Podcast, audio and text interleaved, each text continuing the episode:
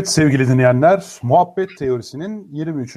toplamda 71. bölümümüzde sizlerle beraberiz. Kaan'la birlikte buradayız yine. Artık demirbaş olduk Kaan'la birlikte. Merhabalar. Eh, demirbaş başımız ağırdır. Ağır başlıyız. Hey yavrum, büyük adamın programı da başı da büyük. Büyük adamın başı da büyük olur. Şeyde vardı ya. Bu e, Cüneyt, Cüneyt Arkın'ın filmiydi herhalde ya. Böyle. Ha değil mi? Koca kafa. Cüneyt Arkın kolunu dayamış böyle içiyor. Çok böyle şey handa. Uzaktakiler de böyle bakıyorlar ya ne dertli adam falan filan. Oradan bir tanesi şey diyor. O Battal Gazi. Büyük adamın derdi de büyük olur. Hiç. Tabii ki. evet. Ee, Kaan ben bugün sana bir ihtimal daha var. O da gitmek mi dersin diye soracaktım. Evet senin, değil mi? Senin söylediğin daha hoşuma gitti. Gitmek mi zor kalmak mı diye. Vallahi öyle değil mi? Ne yaparsa yapsın insanın aklı kalıyor bir yerde. Gittiği yerde Anlattı. de kaldığı yerde de. Aynen öyle. Aynen öyle. Tabii şimdi buradan biz böyle sanki beyin göçü konusuna girecekmiş gibi girecekmişiz gibi gelse de esas gireceğimiz konu dünyadan gitmek. Esas Hı. bahsini ettiğimiz konu dünyadan gitmek olacak. Ee, yani günümüzün konusu kolonizasyon ama aslında kolonizasyondan ziyade e, her şeyden önce bir orada kolonize olabilmek için ortamı nasıl düzenleyeceğiz, e, şartları nasıl müsait hale getireceğiz. Biraz onlardan bahsedeceğiz. Buna terraforming deniyor. Evet, yani dünyalaştırma, dünyalaştırma diye belki bir ihtimal çevirebiliriz. Ama tabii öncesinde böyle bugün Sputnik'te çıkan bir e, uzaylılarla tarihi buluşma anı yaklaşmakta e, şeklinde bir haberimiz var. Biraz Kaan'la biraz ona bakalım dedik. E, şöyle sohbet penceresinde adresi paylaşalım olmazsa. Herkes. Hemen bakalım neymiş ya. Neydi böyle uzaylılar geldi falan filan mı var yine? Yani e, şöyle şimdi Sirius UFA Uzay Uzay Bilimleri Araştırma Merkezi diye bir yer var biliyorsun. Hani Aa, tamam. Başka bir şey söylemene gerek yok. Ha, başkanı var. İşte bir de başkan yardımcısı var Erhan Kolbaşı. Hı. Ee, yani evet heyecanlı insanlar e, UFO'lar konusunda bu dünyaya işte uzay dışı ziyaretler konusunda falan filan çeşitli heyecanlı çalışmalar var ortada. Bir de müze var parayla geziliyor falan filan. Neyse. Şimdi e, müzede ne var acaba? Müzede abi ben gitmedim ama gidenler e, işte birkaç şeyden bahsediyor. Yani tabii ki müzede resim var, maket var, o var, bu var. Hı. Görün, görüntü vardır herhalde bir de maksimum. Ee, ama biliyoruz ki şu an dünyanın hiçbir yerinde e, kesinlikle kaynağı açıklanamamış. Hakikaten şüphe uyandıran hiçbir delil yok bu hususta. Maalesef yok. Ya bu arada olsun ben de çok isterim. Çocukluğumdan beri hayalim, heyecanım yani de. Senin de öyledir diye tahmin ediyorum zaten. E, vallahi işte tabii e, çocukluğumuzda vardı böyle filmler, diziler falan hatırlıyor musun? Ziyaretçiler vardı 80'lerde. O hatırlamam ya. Ya, yoksa 90'lar mıydı? Valla şeydi böyle. Ya yok 80'lerde olsa hatırlamam. 90'lara giriş, 90'ların başı falan olmalı. Böyle güzel bir kadın vardı. Fare yiyordu falan filan bir şeylerdi. Ondan sonra gerçek yüzleri çıkıyordu. Direniş hareketi vardı yer altında. Abi evet. olaya kadından başlamam da yani çok takdire şayan. Hala işte gençlik ne yaparsın? kendisini anlatmadın yalnız. Güzel bir kadın vardı fare yiyordu da ana konu neydi abi? Ana konu işte uzaylılar geliyordu dünyaya uzay gemileri Ama güzel bir kadın vardı. evet, güzel bir kadın çıkıyordu uzay gemisinden. Ondan sonra tam insan biçiminde hepsi. Aa ne güzel size yardım edeceğiz falan filan. Bir grup insan inanmıyor tabii bunlara ama herkes inanıyor. Lan siz niye bozgunculuk yapıyorsunuz diyorlar direnişçilere. Ondan sonra bunlar bir şekilde bir punduna getirip bu uzaylıların gerçek yüzünü gösteriyorlardı yani gerçekten gerçek yüzünü. Çirkin mirkin bir şey. Oradan da işte olaylar gelişiyordu. Birinci sezon herhalde öyleydi. İkinci sezonda artık açık direniş vardı. Böyle yanlış hatırlamıyorsam şey böyle yüzlerini açıyorlardı. içinden sürüngenvari bir şey çıkıyordu değil mi?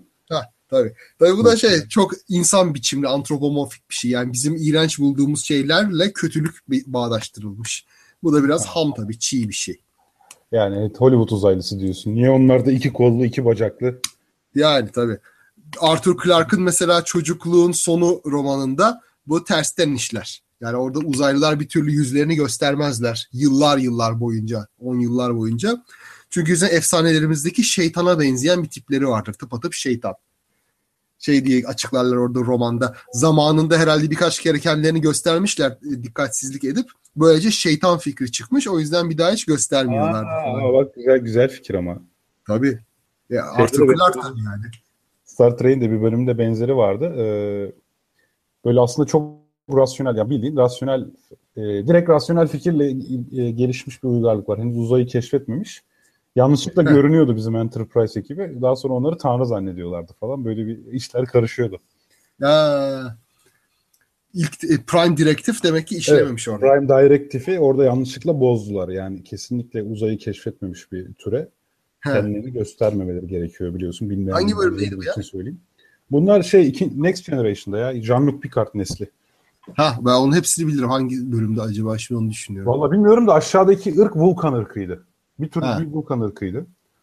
Hatta e, olay da şuradan kopuyor. Birisini tedavi etmek için uzay gemisine getiriyorlardı. Adam yanlışlıkla bilinci açılıyordu. Jean-Luc Picard'ı da böyle kel tanrı zannediyordu. Aa hatırladım hatırladım. Bunlar Hatırladın şey soyu tükenecekti. Fırtınalar oluyordu gezegenlerinde de.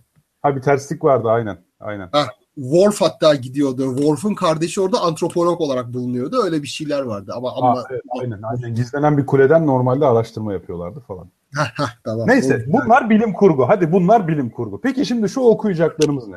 Heh. Şimdi e, Sirius Uzay Bilimleri Araştırma Merkezi Başkan Yardımcısı Erhan Kolbaşı Galaktik Diplomasi kitabında dünya dışı uygarlıklarla buluşmanın artık yakınlaştığını söylemiş. Habertürk gazetesine konuşmuş. E, demiş ki kozmik dostlarımızın elindeki son derece gelişmiş temiz enerji sistemleri petrol temelli dünya ekonomisini çökertecektir. E, peki, yani bu arada hani ben dost olsam bir yerin ekonomisini çökertmem.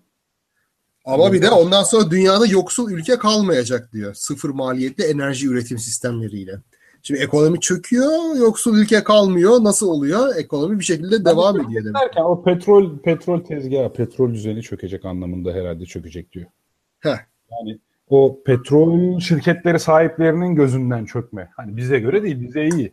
Bize çok Hı. iyi ama hani petrol şirketlerine göre çökecek. Neyse yani dünya dışı uygarlıklarla buluşmanın yakınlaştığını söylüyor. Ee, tamam yani ama bunu neye dayanarak söylüyor? Hani bunu sen de ben de söyleyebiliriz. Deriz ki dünyaya bir sinyal yaymaya başladık televizyonun icadından beri kuvvetli sinyaller. Hı. Hani eğer birileri bize görüp de gelecekse yani bu bir adres bulma şeklinde olacaksa evet yani o tarihten bu yana bu olasılığı arttırıyoruz. Tabii. Doğru mu? Doğru ama muhtemelen burada öyle söylenmiyor da. Neyse bilmeden konuşmayalım devam edelim. Şimdi burada komplo dili devreye giriyor. ABD ve diğer ülke hükümetlerini. Şimdi diğer ülke kim? Geçtim. Diğer ülke hükümetlerinin UFO'ların varlığını gizlediğini öne süren Kolbaşı'nın iddiasına göre sanılanın aksine UFO'lar savaş değil, dünyanın geleceği için işbirliği istiyor. Hı. Abi ben sana şeyi sormak istiyorum. Nasıl bu kadar emin konuşabilir insan bir konuda? Valla yani, ancak yüz yüze uzaylılarla için... konuştuysa herhalde başka türlü olmaz. Ha yani e, evet Nasıl bu kadar yüz yüze konuşmuş gibi? Al bak ben sana daha da emin, kendinden emin bir şey söyleyeyim.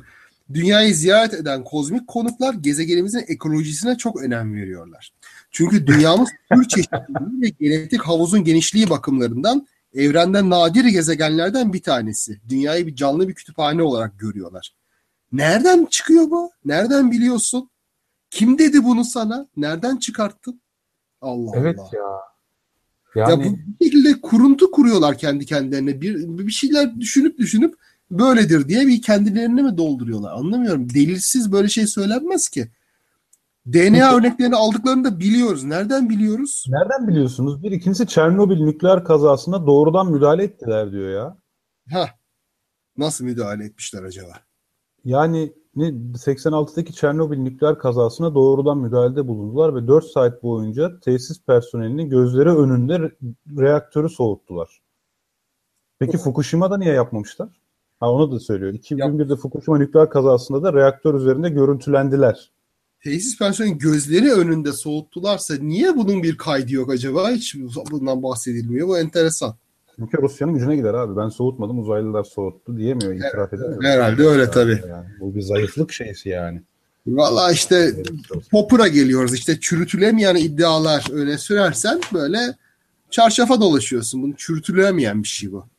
Ne desem yani, kap, bu ha. yüzden kapatıldı, örtbas edildi. Yani e, ne yapayım o zaman ben? Yani. Ya bir de kurgu yani e, hani kurgudaki şey sorun şurada. Hani her şey örtbas ediliyor ama mesela bu arkadaşın gözünden kaçmıyor. Ha mesela. Hani Neden? DNA örnekleri aldıklarını da biliyoruz. Kim biliyor? Hani madem her şeyi örtbas ediyorlar, sen nasıl biliyorsun? Kimden DNA örneği almışlar? Nereden biliyoruz? Ve ve bunu hani bu kadar insan niçin gizliyor? Bu kadar hükümet. ABD ve diğer ülkeler. ABD ve diğer ülkeler ne? Özneleri kim bu işin yani? Al şimdi Trump geldi. Trump gibi mantıksız bir adam değil mi? Yani Tabii. ama hani hangi karakterde ABD başkanı gelirse gelsin gizleyecek mi yani? Mesele bu mu? Yani. Hiç Bilmem. mi orada karısına anlatan yok, ağzından kaçıran yok, ölüm döşeğinde söyleyen yok yani hani. Hiç Derin yok yani devlet hepsini susturuyordur. Tabii derin devlet niye susuyor onu da bilmiyoruz. Onlar ağzından kaçırmıyor ama. Kaçırması lazım. Ya bu tutar tarafı yok. ortaya çıkıyor ya. Evet ya. Tutar Yani. tarafı yok. Yani böyle o onu gizlemiş, bu bunu gizlemiş. Böyle büyük bir şey böyle. Bunlar pek mümkün şeyler değil. Tabii. Neyse referans da verelim. Bu konuyu Yalan Savar Podcast'in 13. bölümde şu an en son yayınlanan bölüm. Ee, epey konuştuk aslında. Heh. Ee, bu Flying Saucer mevzunu orada mı konuşmuştuk? Acaba 14. bölümde mi konuşmuştuk? 14. bölüm de yakında yayınlanacak. Ha, e, galiba ya- yayınlanacak daha ama olsun. Siz yine de bir bakın Yalan Sağır Podcast'ine. Onu bulmasanız başka güzel şeyler bulursunuz illaki. Evet. Şimdi biraz şöyle dinleyicilere dönelim konu değiştirmeden. Ee, arkadaşlar çok teşekkürler hepiniz güzel sözler için her şeyden önce. Ee, Rakıyı koyup dinleyen bir dinleyicimiz de varmış. Aa ne güzel. Ey galaktik imparator sen kimsin ya demiş bir kahraman. Kahraman bu arada şey ben kendimden emin bir şey söyleyeyim. TV sinyali muhabbetiyle alakalı öyle bir şeyin imkanı yok çok basit. Intensity 1 bölü R kare demiş. Bizim uyduruk TV sinyali, sinyalimizin dedekte edilmesi çok düşük bir olasılık. Çok doğru. Evet çok doğru fakat yakınlardan geçiyorlarsa diye düşünmek lazım. Hani şey değil çok çok uzak gezegenlerden değil de hani yakınlardan şu an e, geçerken tesadüf eseri bir geminin sinyalimizi aldığını varsayabiliriz. Yani bir uzaylı gemisinin. Tabii Öyle bir de şu var. Ee, bizim bütün iletişimimiz şu anda radyo dalgalarına dayalı ya. Yani bir radyo teleskopla baktığında küçük çaplı bir yıldız kadar radyo radyasyonu, radyo dalgası radyasyonu yayıyoruz. Yani bundan şüphelenmemesi mümkün değil bir Yani uygarlığın. herhangi bir gezegenden ortalamanın üzerinde e, kuvvette sinyal yaydığın parlak görüneceğiz bir radyo e, teleskopta. Öyle değil mi? Çok evet hem de O, çok. o zaman yani yayınlarımızı alamasalar bile bu güneş sisteminde bir yerlerde insanların e, yani daha doğrusu bir yerlerde olağan dışı bir radyo sinyali e, aktivitesi olduğunu en azından anlayabilir oradaki bir göz, uzman bir göz yani. Aynen öyle. Ha ama kalkıp ta oralardan buralara kendini gizlemek için gelir mi? Sen gelir miydin ya? Kim gelir Allah aşkına ya? Öyle. Abi geleceğim bir de yani nükleer kazaya müdahale edeceğim falan ya. Hiç arkama bakmadan kaçarım ya. Bırak Allah aşkına. Bu, bu salaklar bir, bir nükleer santrali idare etmeyi beceremiyor derim. Uzaklaşır giderim. Peki abi çalışanların gözleri önünde ne demek ya? Yani gene aynı habere dönüyorum da neyse boş ver ya. Yani şey çok büyük iddialar da o yüzden yani ben keşke keşke bu kadar büyük iddialarda rahat rahat bulunabilsem yani. Neyse ben de bilim kurgu yazıyorum. Yani Abi şunları sen- bilim kurgu olarak yazınca güzel hikayeler oluyor işte abi yani. Tabii canım sen biraz takip et bu arkadaşları. Güzel malzeme çıkar sana. Doğru diyorsun hakikaten. evet şimdi devam edelim o zaman. Hı. Nereden devam edelim abi? Nereden de valla güzel aslında ilginç Bir- gerçek bilimsel şeyler de oluyor uzayla ilgili. Belki onlardan devam edebiliriz. Evet bir haber vardı. Bugün sen onu bize anlatacaksın. Ne güzeldi. Çok ilginç de bir haberdi. Şeymiş. Şimdi bir e, uzay konusundaki bir kongrede NASA'nın e, uzmanlarından bir tanesi konuşmuş. Hemen onun da şeyini haberini açayım. Tamam Ee, sen doğru istiyorsan şöyle başlayalım. Tamam. Ee, bugünkü konumuz dünyalaştırma. Ee, dünyalaştırma demek aslında şu demek. Herhangi bir gezegeni insanın konforlu bir biçimde yaşayabileceği hale getirme. Yani yoksa e, pek çok gezegen ve ortamda özel kıyafetlerle hayatta kalabiliyoruz. Fakat çok uzun vadeli bir yaşamdan bahsedeceksek yani ki bu da kolonizasyon oluyor. Ya kolonizasyon ya da fark etmez. Çok uzun yıllar e, bir görevle insanlık oraya gitmiş olsun. Eğer böyle bir şeyden bahsedeceksek oradaki şartları biraz dünyaya benzetmemiz gerekiyor. Ya da en azından yerleşmeye falan gideceksek öyle Mars'tan bir yazlık falan alıp e, emekliliğinizi orada geçirmeyi düşünüyorsanız yani Hı. ne olacak? Mecburuz şey yapmaya, orayı dünyaya benzetmeye. Tabii Mars demeyelim sadece. herhangi bir gezegeni dünya yani dünyaya benzetmek için insanın bazı olmazsa olmaz e, ihtiyaçları var. Bu ihtiyaçlardan bir tanesi atmosfer, oksijen. Yani eğer kapalı yerde yaşamasın, insanımız dışarıda özgürce solusun, diğer çocuklar gibi o da koşsun, oynasın istiyorsak e, atmosferi bir düzelteceğiz. Oksijenli hale getireceğiz. Tabii bitkiler yaşasın istiyorsak bile karbondioksitli hale getireceğiz. Çünkü sürekli dünyadan yiyecek gönderip duracak değiliz. Artık orası her neresiyse orada bir e, şey olabilir. Tabii yani bu arada yiyecekler serada da üretilebilir de hani en ideal koşulları söylüyorum. Yer çekimi önemli. Çok uzun süre yer çekimsiz ortamda kalmak insan sağlığını olumsuz etkiliyor. Ama hemen hemen dünya büyüklüğünde bir gezegenden bahsediyorsak zaten insanın yaşayabileceği kadar bir yer çekimi olacağını varsayabiliriz. Mars için bu 0,43 G. Yani dünyadakinin %43'ü. Ee, 43 miydi ya? Yanlış mı hatırlıyorum? Aşağı yukarı o kadardır ya. Daha çok değildir. Yarısı falandır işte. Evet. Peki yani şey bilen dinleyicilerimiz varsa düzeltebilir. Ee, peki şey bir de tabii ki en önemli konulardan birisi ki şimdi sen de ondan bahsedeceksin bize. Aslında magnetosfer. Mesela Mars'tan bahsediyorsak Mars'ın bir magnetosferi yok. Bir fizikçisin hatta bu alanda çalışma yaptın diye biliyorum. Bir yazılım yaptın. Magnetosferle ilgili. Şimdi abi bize magnetosfer nedir? Ne işe yarar? Niye insan için önemlidir? Niye bu dünyalaştırma mevzusu için önemlidir? Ve bu son gelişme, bugün bahsedeceğimiz gelişme neydi? Şöyle senden uzun bir şey alalım abi, açıklama alalım biz. Memnuniyetle. Şimdi hiç insan aklına gelmez aslında ama manyetik alan, bir gezegenin manyetik alanı üzerindeki karmaşık hayatın korunması için aslında epeyce elzem bir şey. Şimdi dünyanın bir manyetik alanı var. Uzun zamandan beri muhafaza ettiği. Ara sıra böyle yön değiştiriyor. Hatta ters yüz oluyor ama hiç ortadan kalkmıyor. Bu da önemli.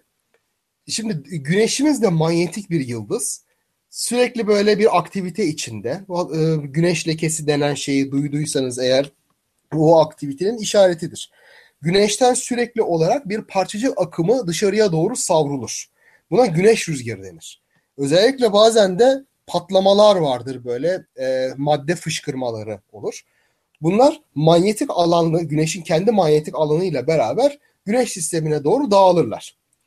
Ve gezegenlere çarparlar tabii yani bir güneş rüzgarı olarak. Bunlar elektrik yüklü parçacıklardır. Protonlar yani hidrojen, oksijen ve başka şeyler de az miktarda var. Peki çarpsın ne olur çarpıyorsa. Şimdi eğer manyetik alanı varsa bu gezegenin gezegenin kendi manyetik alanı bu güneş rüzgarının içeriye nüfuz etmesini engeller. Bu ilginç bir şey. Fizi- e, plazmaların fiziğiyle ilgili bir şey. Plazma elektrik yüklü parçacıkların gazı diye düşünebiliriz. E, ve bunlar manyetik alanla yüklüyse kendileri ayrı ayrı bunlar birbirlerine karışmıyorlar. Manyetik alanlar birbirini itiyor. Yani bunun yönle çekime kuzeyi güneyiyle ilgisi yok. E, manyetik alan olması karışmamasına yol açıyor. Yani dünya bize, dünyanın manyetik alanı bize güneş rüzgarından koruyor. Güneş rüzgarı dünyanın etrafında dolaşıyor ve bize çarpmıyor. Çarpsa ne olur? Doğrudan bize gelmez. Yani bizim e, canımıza bir tehlike oluşturmaz. Ama atmosferin en üst kısmındaki gazları yavaş yavaş süpürür. En hmm. üstteki mesela e, troposfer vesaire kısmındaki seyreltik at, e, oksijen ve başka gazlardan başlar. Bunlar bayağı enerjik protonlardır çünkü hızla gelirler, çarparlar ve üfleyerek bir yeri soğutmanız gibi onlar da dünyanın üzerindeki atmosferi yavaş yavaş süpürebilir. Eğer manyetik alan olmasaydı. Peki. Ve, ve Mars'ta da bunun olduğuna inanılıyor. Mars'ın da evet. bir zamanlar bir manyetik alanı varmış. Manyetik Peki, alanın kökeni... Bu arada yani süpürülmesinin bize zararı ne? Ee, gidiyor. Atmosferimiz yok oluyor. Bayağı uzaya, uzaya kaçıyor yani magnetosfer olmayınca. Uzaya kaçıyor. Gidiyor bitiyor. Yani sürekli üfleye üfleye güneş atmosferi bitiriyor, tüketiyor. Vay be. Yani, bu da pek arzu edilir bir şey değil takdir edersen. Mars'ta da geçmişte böyle bir felaket aslında. Bu bir tabii evet. eğer o bir yaşayan canlı olsaydı onun için felaket olacaktı. Bir felaket. Manyetik alanın kökeni gezegenin içindeki erimiş demir çekirdek. Bu dönüyor. Döndüğü zaman da dinamo etkisi denen bir etkiyle manyetik alanı sürekli üretiyor. Dünyada bu üretim devam etmekte. Ara sıra böyle periyodik olarak ters yüz olması oluyor yine işin fiziği. Bayağı bildiğimiz gelince. dönerek yani bu sağ el kuralıyla dünyanın manyetik alanı yönünü falan buluyoruz yani. Aynen öyle. Biraz daha karmaşık mekanizmaları var ama temel prensip aynı. Şimdi Mars'ta bu 4 milyar yıl kadar önce durmuş. Bir zamanlar varmış manyetik alanı. hala kalıntı halinde manyetik alan tespit ediliyor uydular tarafından. Özellikle Maven Hmm. tarafından. Ama bu mesela bizimki gibi dünya e, dünyadan uzaya yayılan bir kalkan şeklinde değil. Mesela e, kabuktan yukarıya çıkmış şemsiye biçiminde yer yer e, ört, örten bir şey. Bütün gezegeni örtmüyor Mars'ta. Tahmin edilen orada Mars'ın çekirdeğinin soğuması ve akışın durması. Akış durduğu için ve akışkanlık geçtiği için manyetik alan tekrar üretilemiyor. O zaman da ortadan kalkmış ve bu da atmosferi uzun zaman içinde süpürmüş. Yaklaşık birkaç yüz milyon yıl içinde Mars'ın atmosferini tamamen ortadan kaldırmış güneş rüzgarı. Bu önemli bir problem şimdi. Şimdi e, Mars'taki o Sidonya İmparatorluğu da o zaman öyle mi çökmüş? bir daha böyle, bir öyle şey diyorlar. Aynen. Onu da anlatıyorlar. Sidonyalı ile röportaj yapmış gibi. Öyle bir şey mi demişler deminkiler? Onu ben görmedim ben. Ya onu da başkaları. Yok abi bu da Amerika'da bir tane var öyle. Hani Mars'taki Pareidolia böyle filmil e, Ha. görüntüleri üzerine konuşup duruyorlar ya bir zamanlar orada. Şey. Nükleer savaş çıkmış kaçmışlar falan öyle. Valla 4 milyar yıl önce şey olmuş. Bitmiş şey manyetik alan. Hadi bakalım şeyde daha önce de 500 milyon yıl e, önce var olduysa aynı dünya gibi. Bu kadar kısa bir zamanda uygarlık kurulacak da oh hadi bakalım. Sonra da milyarlarca yıl kalacak. Hadi bakalım. Neyse. Şimdi bu manyetik alanın varlığı veya yokluğu kritik bir öneme sahip. Bu e, 1 Mart'ta yapılan bir sunumda şeyin e, NASA'nın yöneticilerinden e, Jim Green gezegenler arası araştırmaların yöneticilerinden demiş ki biz Mars'ın etrafına yapay bir manyetik koruyucu kalkan kuralım. Nasıl kuracağız? Şimdi Mars'ı tekrar böyle ateşleyip çalıştıracak halimiz yok onun çekirdeğini, onun manyetik alanını. Başka bir şey yapalım. Mars'la dünya, şey Güneş arasına bir manyetik alan kaynağı koyalım. Güçlü bir manyetik alan kaynağı. Bu da güneş rüzgarını saptırsın ve arkasında kalan Mars e, güneş rüzgarına maruz kalmasın. Manyetik olarak onu koruyalım diyor. Bildiğin şapka Hocam- takıyorsun güneşten korunmak için. Şemsiye altına giriyorsun Şemsiye, yani. aynen şemsiye. Aynen o. Bir bağlantıyı yazsana abi şeye. Ee, orada bir resim de vardı. Daha iyi canlanabilir. Sohbet penceresine. Valla bağlantıyı koymaya çalıştım, koymuyorum diyor. Link almıyor sanki. Ha tamam doğru. Ben hariç kimse link koyamıyor ya. O zaman ben sana şimdi göndereyim de sen oradan e, yap. Yaptım. Tamam. Şimdi e, Evet. burada koyacakları yer Lagrange noktası. Lagrange noktalarını e, sen de bilirsin. Dinleyicilerimiz de duymuştur. Şimdi Mars Güneş'in etrafında dönüyor. E, bu dönmeyle beraber bir de hem Mars'ın hem Güneş'in çekimi bir de dönmeyi de hesaba kattığınızda öyle noktalar var ki oraya koyduğun bir şey yerinde duruyor Mars'a göre. Tabii Güneş'in etrafında dönmeye devam ediyor ama Mars'ta duran birisi için o noktada noktaya konan bir şey aynı yerde duruyor. Yani orası bir denge noktası. Denge noktası. Şimdi burada bu e, manyetik alan kaynağının konacağı yerde bu Lagrange noktası. Tabii bu Mars'a epeyce uzak bir yer. Mars'ın e, yarı çapının 320 katı kadar mesafede Güneş'e doğru Mars'a. Şimdi uzayda böyle şeylerde hangi gezegenden bahsediyorsanız onun yarı çapını ölçü almak adettir. Çünkü metreymiş, bin metreymiş pek bir şey ifade etmiyor orada. Yani ölçek orada gezegenin kendisi. Mars'ın e, epeyce uzağına Güneş'e doğru 320 Mars yarıçapı kadar uzağa konacak. o orada Güneş rüzgarını saptıracak ve arkasında kalan boşlukta Mars rahat rahat yaşayacak. Fikir bu. Bunun için ne kadar güçlü bir manyetik alan lazım? 1-2 Tesla olmasını öngörüyorlar bunda. Nedir 1-2 abi Tesla? Peki bize açıklayacak Bir- olursa. Bir Tesla Orada mesela sana- şu anda Sana küfreden bir dinleyicimiz var bak görüyor musun? Bakayım, bakayım hemen göreyim bakayım.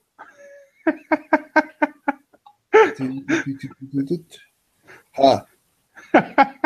Bu bakayım. Ha, Allah peki. Galaksinin dışındaki uzay nasıl oluştu? Neyden oluştu? Hiçbir şeyden. Emredersin abi hemen soruna cevap veriyoruz. Bir dakika abi şunu bitirelim. Tamam. Devam et abi. Devam. Dur, nerede kalmıştık ha? ha? Şimdi bir Tesla bir MR makinesinin ürettiği manyetik alandır. Yani olmayacak bir şey değil. epeyce de güçlü enerji aslında Nasıl gerek. Bir MR makinesi verken böyle bildiğin hastanedeki MR makinesi bir Aha. Tesla manyetik alan mı üretiyor? Evet 1-2 Tesla o çerçevede ama bu bayağı güçlü bir manyetik alandır. Yani şu anda insanların üretebildiği en güçlü alan o. Allah Dünya- Allah. Dünyanın manyetik alanı bunun 10 binde biri kadardır. Yani Bir şu anda. Yeryüzünde hissettiğimiz manyetik alan bunun 10 binde biri Yani o kadar. pusulayı saptıran, o pusula iğnesini saptıran manyetik alanın kuvvetinden bahsediyorsun değil mi? Evet. Şiddetinden. Evet, o bildiğimiz bir MR makinesinin 10 binde biri falan mı? evet öyle. Vay be. Ee, o yüzden bu bir Tesla tabii uzay için, uzay ölçeğinde çok yüksek bir manyetik alan. Ama tabii Mars'tan epeyce uzakta konuyor bu e, cihaz ve tabii büyük bir alanı koruması lazım. O yüzden de bu kadar kuvvetli olması makul. Herhalde artık orada bir güneş panelleri vesaireyle bunu iyice güçlü, güçlü kılacaklar veya bir nükleer şey mi, reaktör kuracaklardır bilmiyorum. Onun için e, olabilir diyorlar. Tabii bu Lagrange noktasına oturan şey illaki de orada kalmayacak. Sonuçta güneşe karşı bir direniş göstermesi lazım. Güneş rüzgarının bir momentumu var. Az Evet. veya çok bir momentumu var. Zamanla rüzgarı Lagrange noktasından sürüklenmekten nasıl kurtaracak bizim bu E işte manyetik tabii orada roketler koyması lazım. Zaman zaman işte tedarikini yapması bilmem nesi lazım. İşte uza- astronotlar gidecekler bakımını yapacaklar. Peki Öyle oraya bir güneş paneli koyup o, bir elektrik motoru koysalar yani güneş rüzgarının sürükleme kuvveti çok yüksek mi? Mesela bir elektrik motoruyla biz ona karşı durabilir miyiz? Ee, şimdi sen daha iyi bilirsin de şimdi bu bir etki tepki mekanizması tabii. Yok hani güneş rüzgarını bilmiyorum. Onu bilsem ötekini hesaplarız ayıp ediyorsun. Olay şu. Güneş rüzgarı- tabii zayıf bir şey güneş rüzgarı zayıf ama uzun zaman bu buna maruz kalacağı için eninde sonunda biraz geriye itme olacak. Manyetik alanın da kendi momentumu var. Ee, ama tabii sonuçta se- seni orada yerine tutmak için bir şeyi geriye fırlatmak zorundasın. Elektrikle bu olmaz. Bir, bir maddeyi geriye fırlatacaksın ki o momentumu karşılayasın. Yani bir rokete Tamam ihtiyaç. yani evet elektrik motoru için yani bir atmosfer olması lazım ki itsin. Ee, haklısın. Fakat elektrik enerjisiyle bir şekilde madde atımı sağlayabilir miyim? İşte orada bir depon varsa tabii sağlayabilirsin. Yani bir katı evet bir katı atığım olması lazım ki e, elektrikle ancak onun fırlatılmasını sağlayabilir. Mesela arada bir boncuk attığını düşün. O bile etkili olabilir. Bir boncuk Aynen. tabancası koysam üzerine. Heh, tabii. Doğru Evet. yani fazla bir şey gerekmeyecektir. O yüzden mesela basit bir roket yüzlerce yıl yetebilir öyle bir şeye. Boncuk tabancası çok fantastik olur abi. Hatta Mars'a doğru atar. Bize çalıştığını anlarız abi hala bak şey çalışıyor. Ee, deriz sistemimiz hala çalışıyor. Kafamıza boncuk yağdığına göre. tüf tüf yapılır. Peki Doğru, yani Ee, şeyde evet Buyur. abi söyle. Yok yok buyur. Tamam. Sonracıma işte tabii orada manyetik alanla bu Mars'ı korumaya başladıktan sonra Mars'ın üzerindeki atmosferin süpürülmesi sona erecek güneş rüzgarı tarafından. Peki ne Tamam. olacak? Şimdi Mars'ın yer altından volkanik aktivitesinden dışarıya doğru gazlar tekrar çıkmakta. Yani şu anda bir denge halinde çıkan gazla süpürülen gaz arasında bir denge var. Bu e, yer altından çıkan gazlar e, toplandıkça Mars'ın etrafına tabii bir atmosfer oluşmaya başlayacak. Bu da iyi bir şey olacak.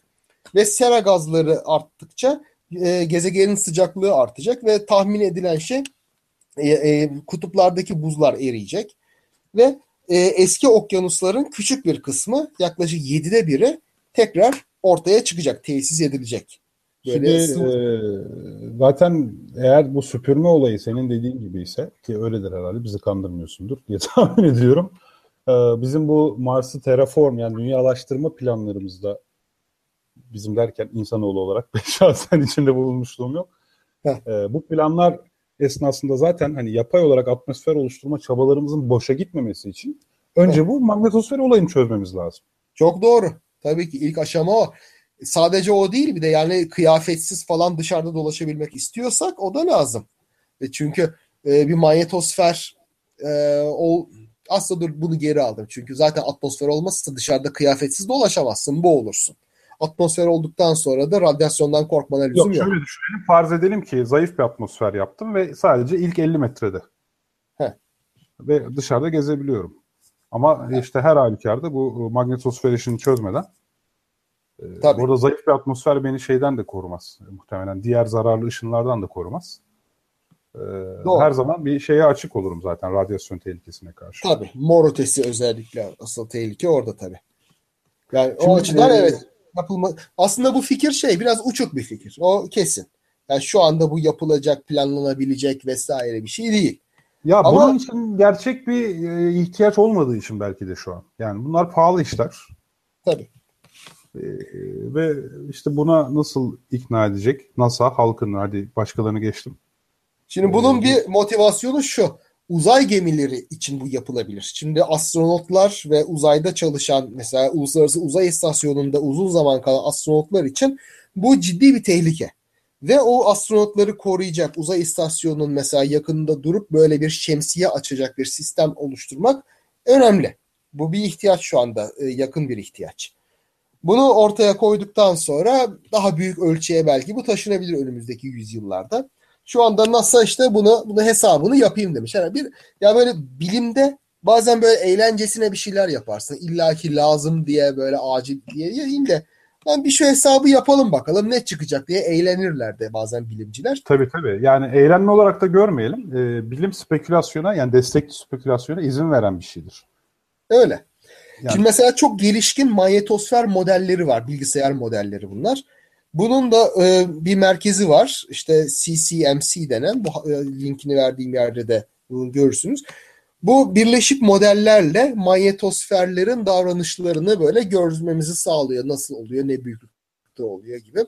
Burada da bir simülasyonu yapmışlar. Mars'ın şu kadar mesafesine, Lagrange noktasına böyle bir dipol manyetik alan kaynağı koyarsak ne olur diye ve görmüşler ki Mars'ı gayet güzel koruyor bu.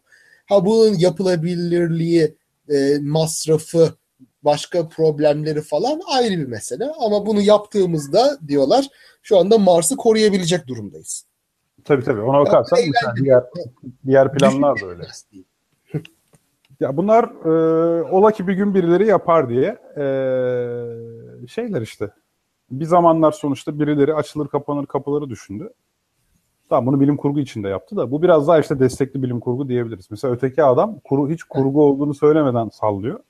Tabii. Yani burada en azından işte bir hesap kitapla sallıyorsun. İkisi arasındaki önemli fark da zaten bu. E öyle tabii. Hatta iyi bilim kurgucular hesap kitap yaparak bu romanlarında yazarlar. Onu da biliyoruz. Hah, evet aynen Ben öyle. böyle bir gezegen yaptım ama bakalım bu mantıklı mı diye böyle oturup hesabını yapanlar da var. Tabii tabii. Şimdi Jüpiter kadar kayaç gezegen yaparsan birileri çıkar dalga geçer yani. Der, ha, bu kadar büyük kütleli hacimli kayaç gezegen olur mu der. Tabii. Ama tabii bir bilim kurgucu şey de yapabilir yani orada çok nadir bir türdür bilinmeyen bir etken şey özel bir etkiyle böyle duruyor diye de anlatabilir. O da işin ayrı meselesi yani. Hani... Değil mi? Şey geliyor aklıma mesela Larry Niven'ın Ringworld Halka Dünya dizisi vardır. Halka Dünya böyle yıldızının etrafında bir çember oluşturan koskocaman bir yekpare dünya. Yani bir yörüngenin tamamı e, katı bir gezegen. Satürn halkası gibi aslında yani. Ha, Ha ama bunun hesabını yaptığın zaman bunun istikrarsız olduğu ortaya çıkıyor. Ufacık bir fiskeyle bu güneşe doğru düşecek bir şey. O yüzden ha. de e, bu söyledikleri zaman MIT'yi ziyarete gittiği zaman böyle MIT öğrencileri tabii bu hesabı yapmışlar. Kaçmazlar onda. O onlar bu Larry Niven'a bunu söylemişler.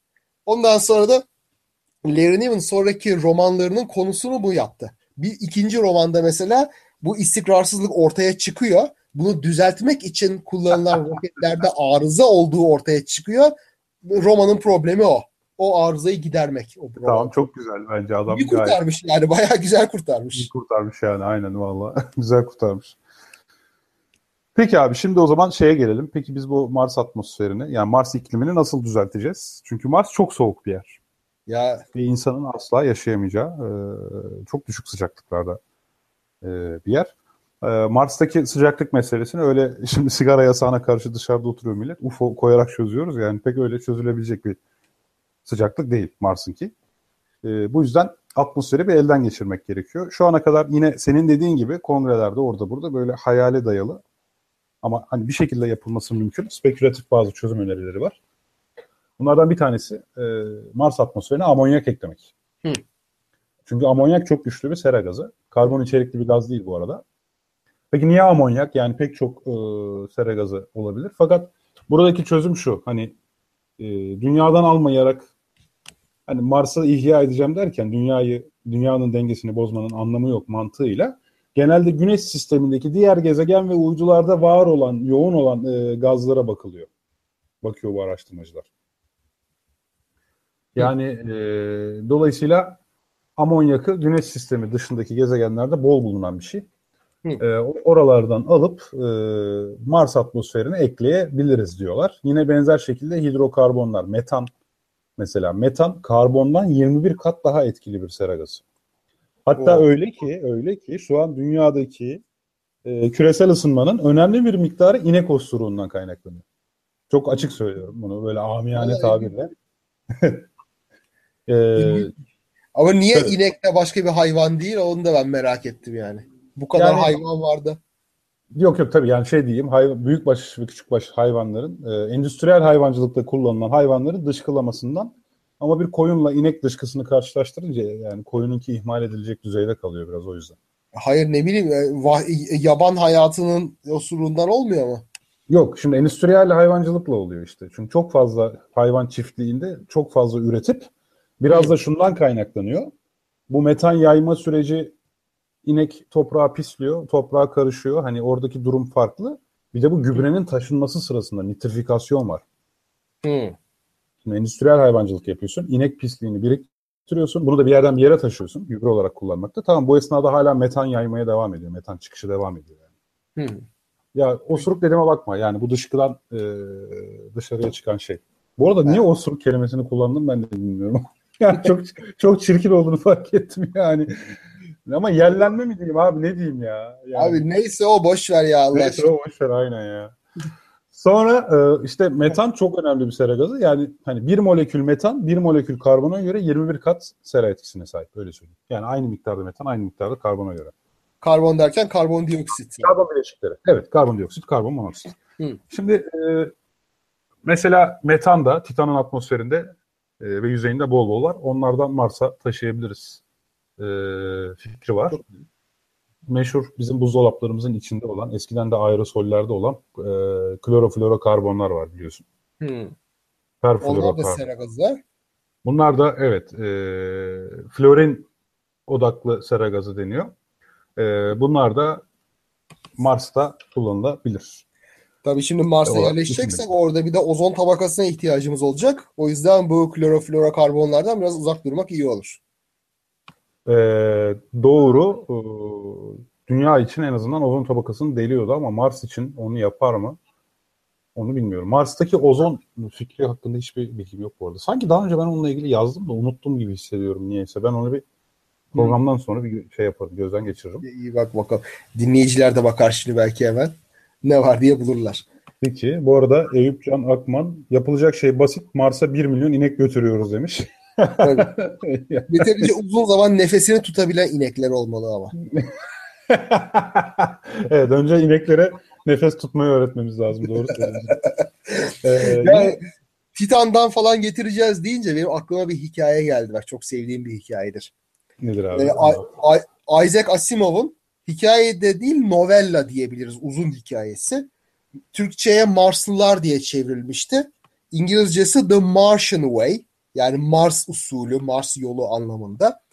Ve bir politik hiciv e, niyetiyle yapmıştır bunu e, Asimov aslında. E, hikaye şöyle. İnsanlar en azından bir kısım insanlar Mars'a yerleşmiştir. Orada yaşamaktadırlar.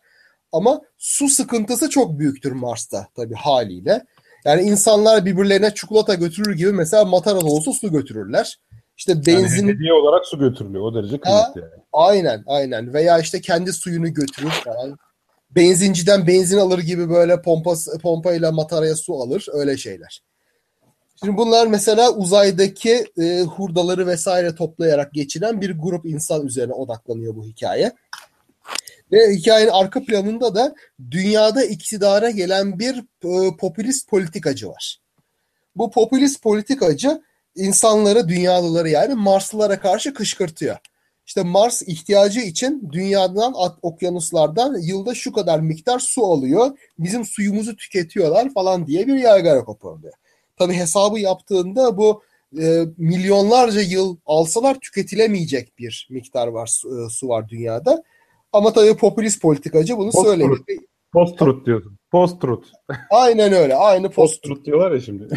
Asimov'un bu hikayeyi yazdığı zamanlar McCarthy dönemi zaten ve bu popülist politikacıyı da McCarthy'den modelleyerek yazmıştır. Şimdi Marslılara artık su verilmeyecek diye bir sonuç çıkıyor bu adam şeyden seçimden e, zaferle ayrılınca. Oldu orada Marslılar ölüme mi terk edilmiş olacak yani? Böyle bir şey. E, bir, biraz ufak ufak yani öyle bir zorluk yaşatı. Marslılar da bunun üzerine ha, öyle mi diyorlar? Biz de başımızın çaresine bakarız. Çünkü bunların bir bakış açısı şu. Bunlar dünyada doğmuş büyümüş rahat içinde ama biz uzayın çocuklarıyız. Biz uzayda yaşamaya alışığız. Onların yapamayacağı şeyleri yaparız gibi bir hava var bu insanlarda. Ve bu motivasyonla hiç gitmedikleri mesafelere gidiyorlar. İşte Yıllar yılı Mars yolunda neyse sonuncuyum. işte evet, will go where no man, no man has gone before gibisinden. Şimdi bunlar atlıyorlar uzay gemilerine. Ta Satürn'ün halkalarına gidiyorlar. Aylarca aylarca böyle gidip oradan dağ büyüklüğünde bir buz kitlesini alıyorlar.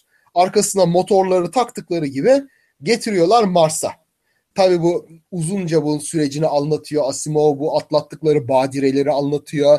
Kafalarını nasıl kullandıklarını, problemleri nasıl aştıklarını falan anlatıyor. Burada en sonunda edebiyatı devreye giriyor yani böyle karakterler falan filan böyle. Yani, bir tane kah kahraman Asimov... karakter vardır. Yanında hatun vardır bir tane falan öyle şeyler. Hatun yok ya. Yani Asimov'un olayı şeydir her zaman. Problemleri zekayla dirayetle ve e, gözüpeklikle çözmek. Ama böyle aptalca bir gözüpeklik değil. Kendine güven ve aklına güvenmekle düşünerek çözmek. Ve bu evet. hikaye bunun mükemmel bir örneğidir. Bakım Uzaya dizisinin tamamı gibi. Aynen.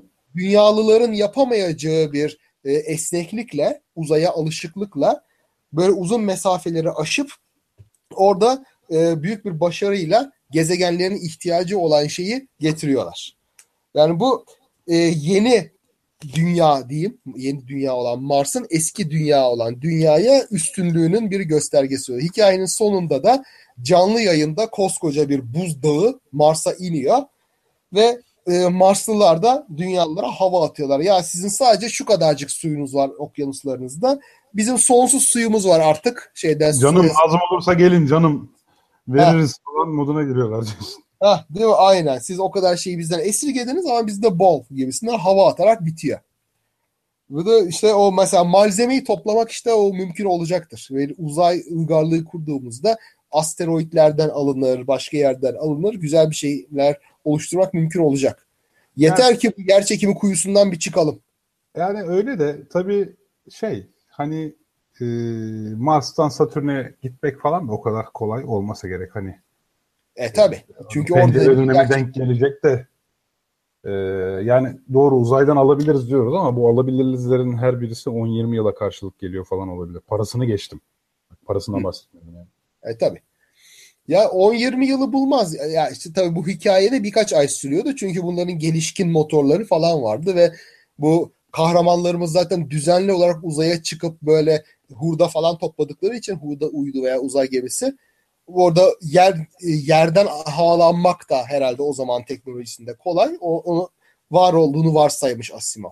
Tabii bunlar aşılması gereken sorunlar. Onlar ayrı yani. Yerden kalkıp uzaya çıkabilmek en büyük problem zaten.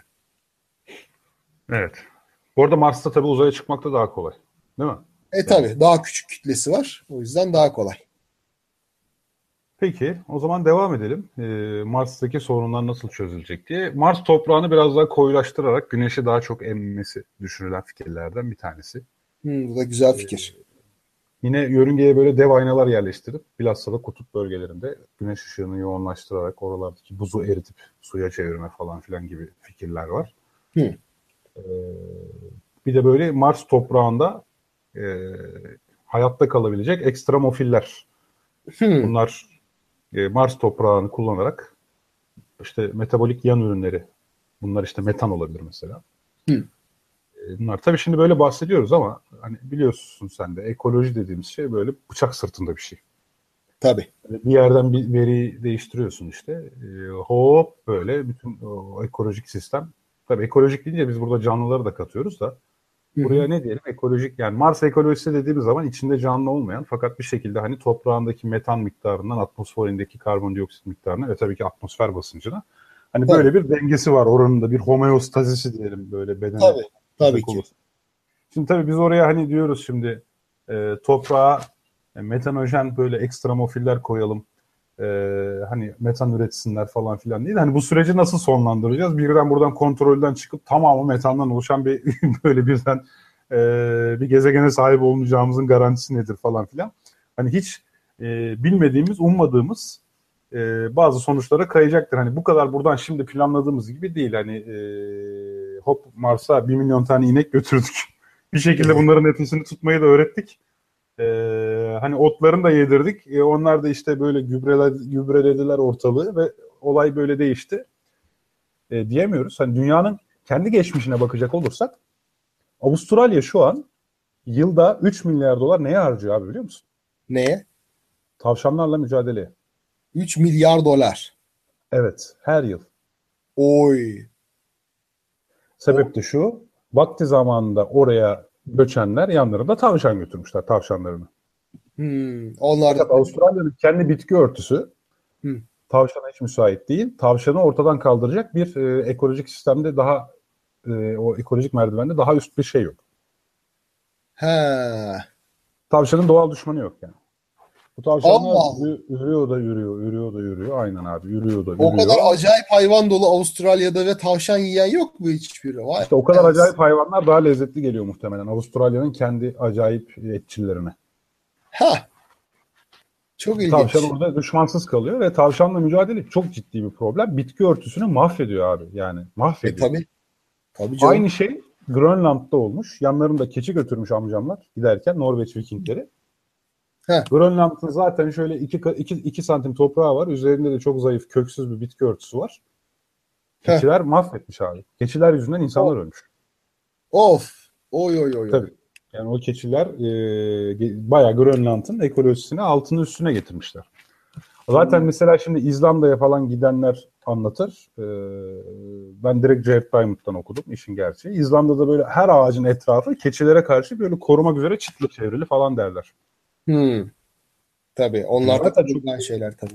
var. Aynen yani e, keçiler hala orada ciddi sıkıntı yaratma potansiyeli sahip. Bu arada Türkiye'de biliyorsun e, güneyde yörüklere karşı hala çok kötü baskılar falan uygulanıyor. Hani bunun çeşitli sosyal nedenleri de var. Yörüklerin göçebe olması, e, kapitalist sisteme entegre olmaması falan gibi meselelerin yanı sıra Evet. sürekli yerleşik olan köylüler yörükleri şikayet ederler. Keçileri ekinlerimize zarar veriyor diye.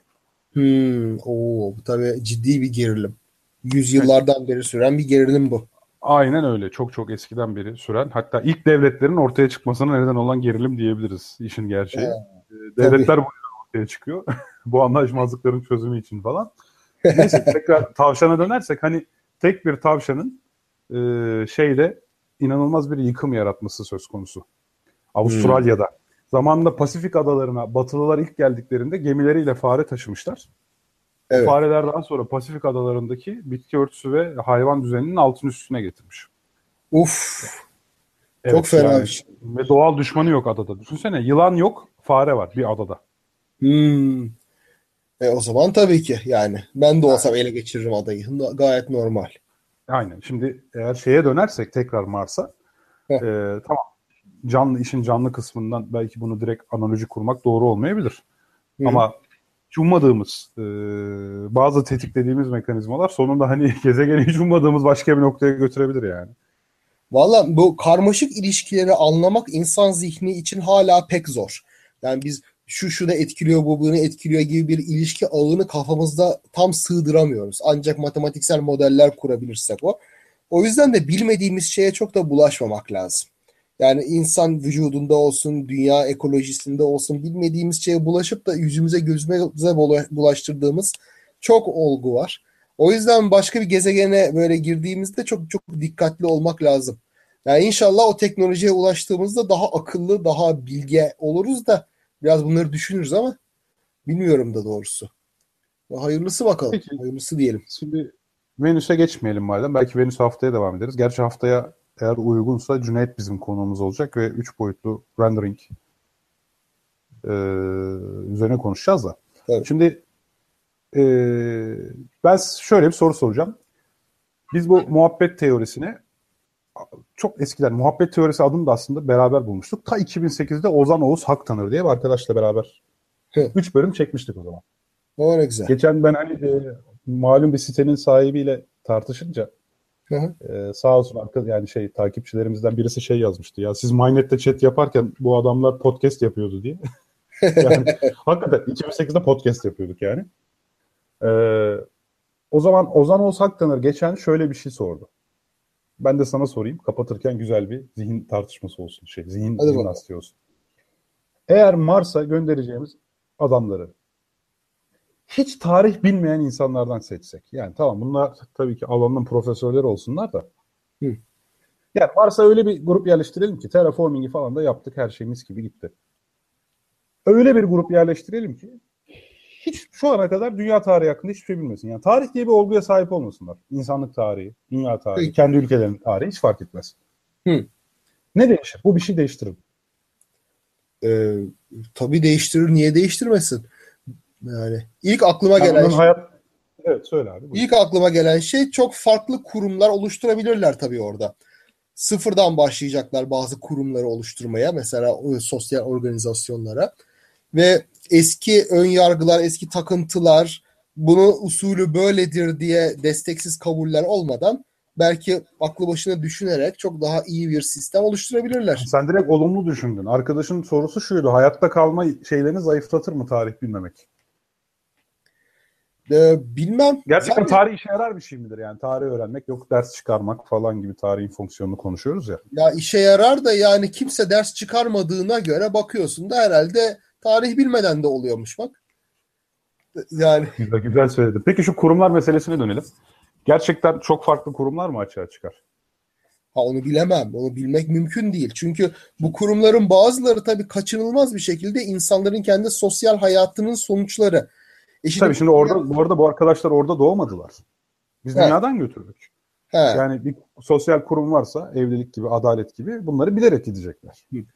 Valla o zaman bir, kimse ha. hiç tarih bilmiyorlar diyemezsin. Çünkü madem ki bugün dediğimiz şey tarihsel olayların zincirinin bir sonucu bugünü biliyorsan tarihle ilgili bir fikrin vardır. Bilinçli hmm. olarak olmasa da hangi yanlışlara batarak bugüne geldiğimizi falan hatırlıyor olmasa da yine de tarih hakkında bir fikri var. Yani çünkü hmm. kurumlarımız böyle bunu biliyorsa işte devlet böyle, hükümet böyle, yargı var, yasama var falan filan diye biliyorsa sıfırdan başlamıyordur haliyle. Abi ben sana şu an bu memlekette devleti bilip Fransız ihtilalini hiç duymamış milyonlarca adam bulabilirim yani. E tabi. Evet. Ama Veya sonuçta adaleti devlet bilip Magna Carta'yı bilmeyen adam çok bulabilirim sana. Tamam. Tabii ki bulursun. Yani o tarihi bu e, girdiğimiz e, çıkmaz yolları ve bugüne getiren aşamaları bilmiyor olabilir. Ama bu anı biliyorsa tarihle ilgili bir fikri olacaktır. Yani tarihi biliyor değil. Sadece bu anı bilmişlik. Tamam. Benim söylediğim şey gerçekten tarih bilmiyor. Yani şimdi sokağa çık pek çok adam Lozan'ı bilmiyor. Cumhuriyet tamam. ne zaman ilan edildi maalesef onu da bilmeyen insan çok tamam mı? Hı. Ya bu adamı al şimdi Mars'a kolonize Mars'a işçi olarak aldık tamam mı? Yani Mars kolonizasyonu tamamen böyle. Hiç de akıl yani başlarına tarih bilen okumuş etmiş bir adam da koymadık. Tamam. Ve kendi haline bıraktık. Bu arada kurumlar hakkında şunu söylememe izin ver. Hı. Mesela birbirinden tamamen bağımsız olmasına rağmen Güney Amerika'daki e, bazı toplumlarla Avrupa'daki bazı toplumlar aynı kurumları bulmuşlar. Evet. Sosyal kurumları. Yani senin dediğin gibi insan ihtiyacından ileri geliyor. Bunlara zaten Max Weber sosyolog so, ideal tip diyor. Bu ideal tipler toplumda ortaya çıkıyor yani. Şeyle Hı. alakası yok. Tabii. Ee, o toplumun kültürüyle alakası olmuyor çoğu zaman. Ama mesela benim tahminim e, böyle teknolojiye, yaşaması teknolojiye bağlı olan bir uzay kolonisinde e, din kurumunun fazla bir yeri olmayacak. En azından merkezi bir yeri olmayacak. E, en fazla tamam siz takılın kafanıza göre gibi kenarda köşede kalmış bir şey olacak. Yani bugünkü kurumlarda gördüğü büyük saygıyı, işte özel protokolü falan filan yaşayamayacak din adamları. Yani tahminim o. Seküler çünkü eski, olacak diyorsun. Tabii. E, çünkü hayatta kalmanın anahtarı orada seküler bilimsel düşünce olacak. Yani sen orada dua ederek e, oksijen filtrasyon sistemini tamir edemezsin. İşi şansa bırakamazsın. Kafanı kullanmak zorundasın. Burada işte eskiden tarım devri e, devlet şey nasıl diyeyim tarım devriminden kalma geleneklerle dini kurumlar yapışmış kalmış atamıyoruz. Öyle bir sıfırdan başlama durumunda tabii e, bunların gücü azalacak. Hatta tarihi unutmasalar bile hiç lüzum yok tarihi unutmuş unutmamış. E, kendi kendine toplumun dinamiğiyle bunlar değişecek. Kalkacak ortadan muhakkak. Peki o zaman sana şimdi yeni bir soru sorayım. Ee, sence mesela dünya tarihini bilmemiz bu geçen hafta yaşlılık konusunda konuşmuştuk ya. Bazı Hı. kabilelerde çok yaşlı olan bireyler bir tecrübe bankası olarak hareket ettikleri için o toplumun hayatta kalma olasılıklarını arttırıyor. Çünkü mesela başlarına bir kıtlık geldiği zaman 40 sene önceki kıtlıktan nasıl çıkıldığını bildikleri için tabii e, faydası dokunuyor diye. O zaman tarih bilmenin bize gerçekten böyle bir faydası yok mu? Hani ders Tabii almıyoruz eyvallah hani spesifik örnekler için konuşuyoruz ama e, toplamda gerçekten tarihin bize böyle bir şeyi var. Ya tabii ki tarih bilmek e, bir senin avantajını artıracaktır. Yani geçmişle karşılaştırmak, ne oldu, ne bitti, ne zaman ne yapıldı bunu hatırlamak tabii ki bir avantajdır. Ya, ama işte senin sorundan ben şunu anladım. Hiç bilmediği zaman hayatta kalması mümkün olur mu? Yani olur. İyi kötü, kör topal hayatta kalır. E, tabii, Çünkü yani o kadar da kritik değil. Evet, evet, evet. Tabii. Yani hele şimdi teknolojiye dayalı bir toplumsa ve bu bilgiler arşivde vesaire da, e, veri bankalarında mevcutsa e, bir ihtiyarın 40 yıl önceki olayı yarım yamalak hatırlamasına ihtiyacı olmayacak bu toplumun. Yeterince evet. iyi böyle bir araştırmacı, bir tarihçi vesaire buna baktığı zaman böyle bir şey yapılmış biz yine yapalım diyecek. Hele yapay zeka biraz daha fazla gelişip de bunları daha iyi filtreleme, daha iyi düzenleme imkanına sahip olduğunda doğrudan soracak işte bilgisayar böyle bir durum var mıydı ne yapalım diyecek. İşte o kabilenin ihtiyarı gibi bilgisayar sana cevabı verecek. Ee, peki, peki. Doğru söylüyorsun. Yani tabi burada bilgisayar olduğunu işin içerisine koymak yani bir veri bankasına ulaşabilme. E doğru şimdi tarih kitap kütüphanemdeki tarih bilmeme gerek yok. Kütüphanemdeki tarih kitaplarına erişmem yeterli diyorsun. E, biraz yani, öyle. Tamam. Yani şey olarak doğru. Elimizde bir veri bankası olursa kimseye tarih öğretmeye gerek yok zaten sıkışınca. Star Trek'ler eski kontaklara bakıyorlar. Borglarla karşılaşıyorlar. Küp şeklinde gemi henüz tanımıyorlar. Bak bakalım daha önceki loglarda böyle bir temas var mı diyor. Hemen data giriyor böyle şıkı şıkı şıkı şıkı. Ee, bakıyor daha önce varsa faydalanıyorlar yoksa faydalanmıyorlar. Aynen öyle. Hatta o bile olmasın bir e, arşivlerimizde dünya tarihiyle ilgili hiçbir şey olmasın. E Mars'ta yaşıyorsun. Yani Mars'ın sorunları ayrı, dünyanın sorunları ayrı. O yüzden de çok da bir faydası olmayacaktır haliyle. Ya şu anlamda var. Diyelim ki Mars'ta birileri tütün yetiştirdi. Sigara içmeye başladı. Hani nasıl dünyada sigarayla kanserin arasındaki ilişki e, keşfetmek yıllar aldı. E, hani onlar da yıllar alacak ama bu sırada sigara çoktan kültüre yerleşmiş olacak. Aynı dünyada olduğu gibi kimse bunu silip atamayacak. Yani Doğru. E, veyahut diyelim ki sera gazlarının etkisi. Evet. Gerçi tabii hani boş adamlar göndermiyoruz, bilim insanları gönderiyoruz da. Hani diyelim ki sera gazı etkisini adamlar küresel ısınmayı da gerçekten etkilerini sonradan keşfettik sera gazı mevzunu. Ee, Venüs'ün keşfinden sonra oldu biliyorsun özellikle. Tabii. Ee, Venüs niye böyle derken o bir baktık ki bir karbon ısı tutuyormuş yani. Hı. Neyse sonra hani sera gazı gerçekten onlar için de iş işten geçene kadar belki öğrenemeyebilirler. Sanayilerini kurarlar, şunu yaparlar, bunu yaparlar ama hani tarih bilmenin bu tarz faydaları olur. Hani Mars'ın kendi sorunlarıyla başka dünyanın veya başka herhangi bir gezegenin bazı ortak müşterek sorunları olmalı. Hı. Hani bunlar açısından dünya tarihini bilmek faydalı olurdu diye düşünüyorum. Son diyeceğim de budur. Kaan gitmek mi zor kalmak mı? Valla ikisi de zor hocam ikisi de zor. Son ne soru şimdi, şimdi Mars'a yerleşsek. Heh. Deseler ki 5000 tane adam alacağız. Gider misin? Kiminle gittiğime bağlı şimdi ya. Yengeyi çoluğu çocuğu da alacaksın. Sen geliyor musun? Ben gelirim vallahi ya. E tamam ya gideriz takılırız orada ya. Dünyaya karşı rakı içeriz. Tamam ne olur güzel. abi. Peki. Bu fikir güzel. Gerçi dünya gözükmez ki orada. Ufacık nokta görünür. Ya önemli değil. rakı içiyoruz nasılsa. Ne önemi var yani. Dünyaya diye kadet tokuştururuz biter yani. tamam iyi o zaman. Mars toprağında da iyi üzüm olur aslında ha. Deneriz bakalım. Var mı? Var öyle... Kırmızı Hay, kırmızı. Mars şarabı da iyi olur derler. Tabii. Ya. Kırmızı topraktan kırmızı şarap. Aynen öyle. Bulaşma büyüsü. Of. Peki o zaman abi bugün de sona gelmiş bulunuyoruz. Bakıyorum şöyle bir saat olmuş. Aa, rakılar benden diyor. Deneme ses diye biri. Ya bize kendi ismini söylese de tanıdık biri gibi geliyor. Ya ne zaman rakı desek bu arada veya bir rakı konusunda zaten e, hemen bir ses geliyor oradan. Deneme ses adlı kişiden. Heh. E, evet bugün de sona geldik. E, ilginç konulara değindik. Bayağı bilgilendirici oldu. Kaan bizi magnetosfer konusunda bilgilendirdi. Ben şahsen şu MR makinesinin kuvvetini öğrenince bayağı şaşırdım. Hiç böyle bir şey düşünmemiştim. Hmm, Bu arada e, dinleyicilerimize de söyleyelim. MR manyetik alan üretiyor. MR kanserojen falan değildir. Yani tomografiden korkmak için bir nedeniniz belki olabilir.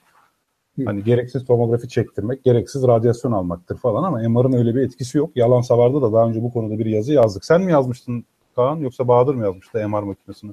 MR makinesi e, herhalde Bahadır yazdı ben hatırlamıyorum. Herhalde Bahadır yazmıştı. Evet. Ee, MR makinesinin böyle bir etkisi yok bilginize bulunsun. Hatta işte o yüzden en güvenilir görüntüleme yöntemlerinden biri. Ama şimdi Evet. tabii insan şeyden korkuyor. Hani dünyanın bir bin katı, bin katı mı demiştin? 10 bin katı. 10 bin katı.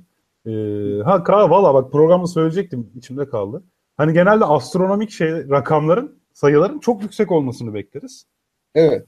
İlk defa böyle dünyanın bilmem nesi bizim bildiğimiz yapay bir şeyden çok daha küçük çıkınca bence insana tuhaf geliyor ya kulağa. E, öyle o yapay şeyi de zor yapıyoruz. Gerçi tabii şeyde e, taş mıknatıslar da dünyanın manyetik alanından çok daha güçlü. Yani tabii şeyler pulsarlara falan gidersen onların manyetik alanı te- Tesla seviyesinde. Hatta magnetarlara gidersen böyle galaksi seviyesinde bunlar. Artık milyonlarca Oo. Tesla. Yani oradan diyorsun ki çok iyi MR makinesi yapılır. Ucuza getiririz. Tabii. Yani astronomik istiyorsan onlar da var. Ha, Her bütçeye, her keseye göre çeşitlerimiz vardır. Evren diyorsun geniş. Tabii. Geniş. Ne ararsan var. Depo büyük. O zaman biz de e, depoya bir program daha katmış olduk bugün.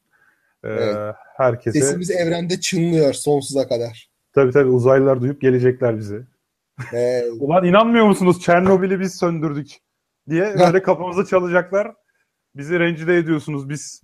Herkesin gözü önünde yaptık sizden gizliyorlar diye böyle gelecekler tepemize binecekler abi. vallahi gelsinler bakalım bir, bir rakılarını içeriz. Ha deneme ses ısmarlar her kimse. evet herkese e, mutlu günler diliyoruz. Haftaya aynı gün aynı saatte yine sizlerle birlikte olmak dileğiyle mut- e, mutlu kalın sevgiler. İyi akşamlar. İyi akşamlar. Görüşmek üzere.